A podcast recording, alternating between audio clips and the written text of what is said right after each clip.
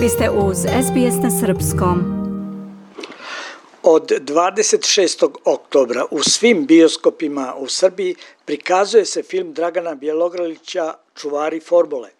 Dva dana ranije u MTS dvorani, nekadašnji dom sindikata, održana je beogradska premijera ovog filma crvenim tepihom, stvarajući spektakularnu atmosferu dostojnu hollywoodske premijere, prošetali su reditelj Dragan Bjelogrlić, glumci Radivoje Bukvić, Ognjen Mićević, Alisa Radaković i drugi.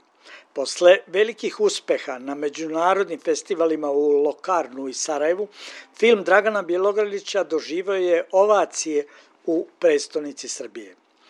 Film je nastao po istinitom događaju, odnosno kao adaptacija knjige Gorana Melešinovića Slučaj Vinča. Scenariju za film uradio je Vuk Ršumović.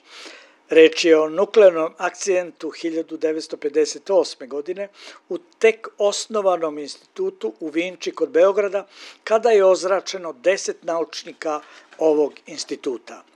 Međutim, u tadašnjoj Jugoslaviji mediji nisu smeli da pišu o ovoj nesreći, ali je činjenica da je postojao tajni projekat da komunistička Jugoslavija napravi atomsku bombu kako bi poboljšala svoj međunarodni položaj.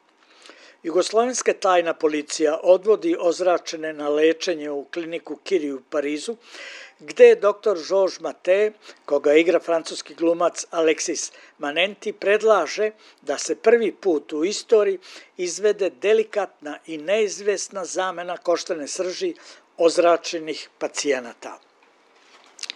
A u oči Beogradske premijere reditelj Dragan Bjelogradić je održao konferenciju za medije.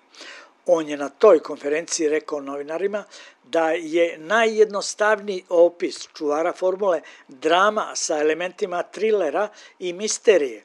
Mislim da bi to bio možda nekako najjednostavniji opis filma. On jeste različit od svega što sam ja do sad radio i za mene nije u stvari bio najteži e, posao to što je on rađen po istinitom događaju i e, sve to što je okruživalo to, to, je, to smo nekako savladali i savlađivali u fazi scenarija.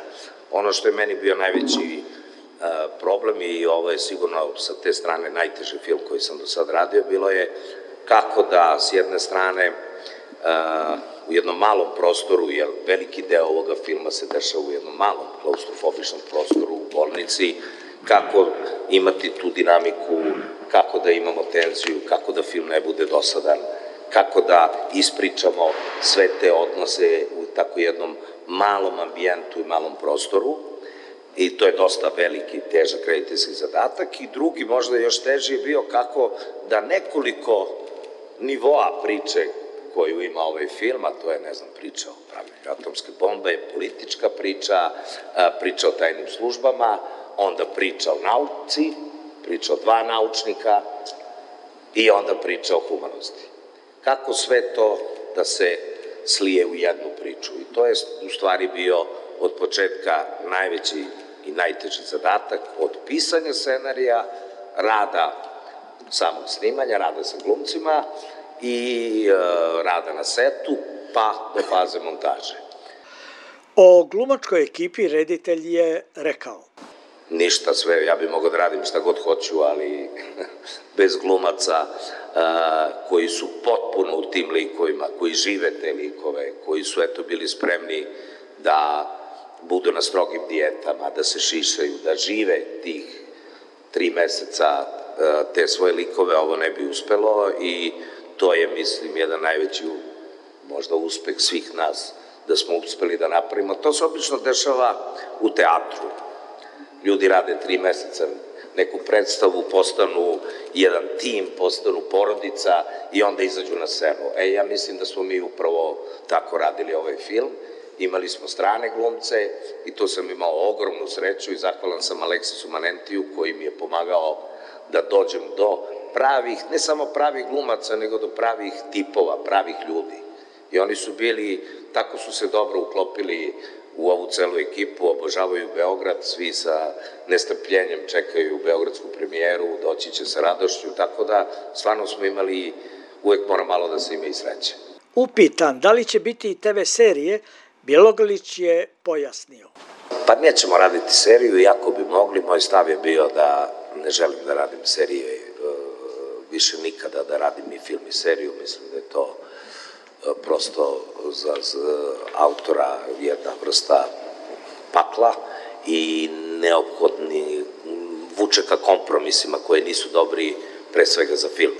Tako da uz svu žal što ovaj, sam bacio skoro 40 minuta jako dobrog materijala, možda jednog dana napravimo neku director's cut, neku dužu verziju. Iz Beograda za SBS Hranislav Nikolić. Želite da čujete još priča poput ove?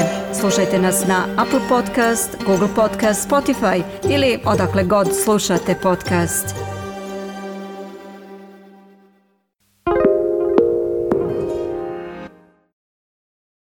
SBS is Australia's most trusted multilingual broadcaster.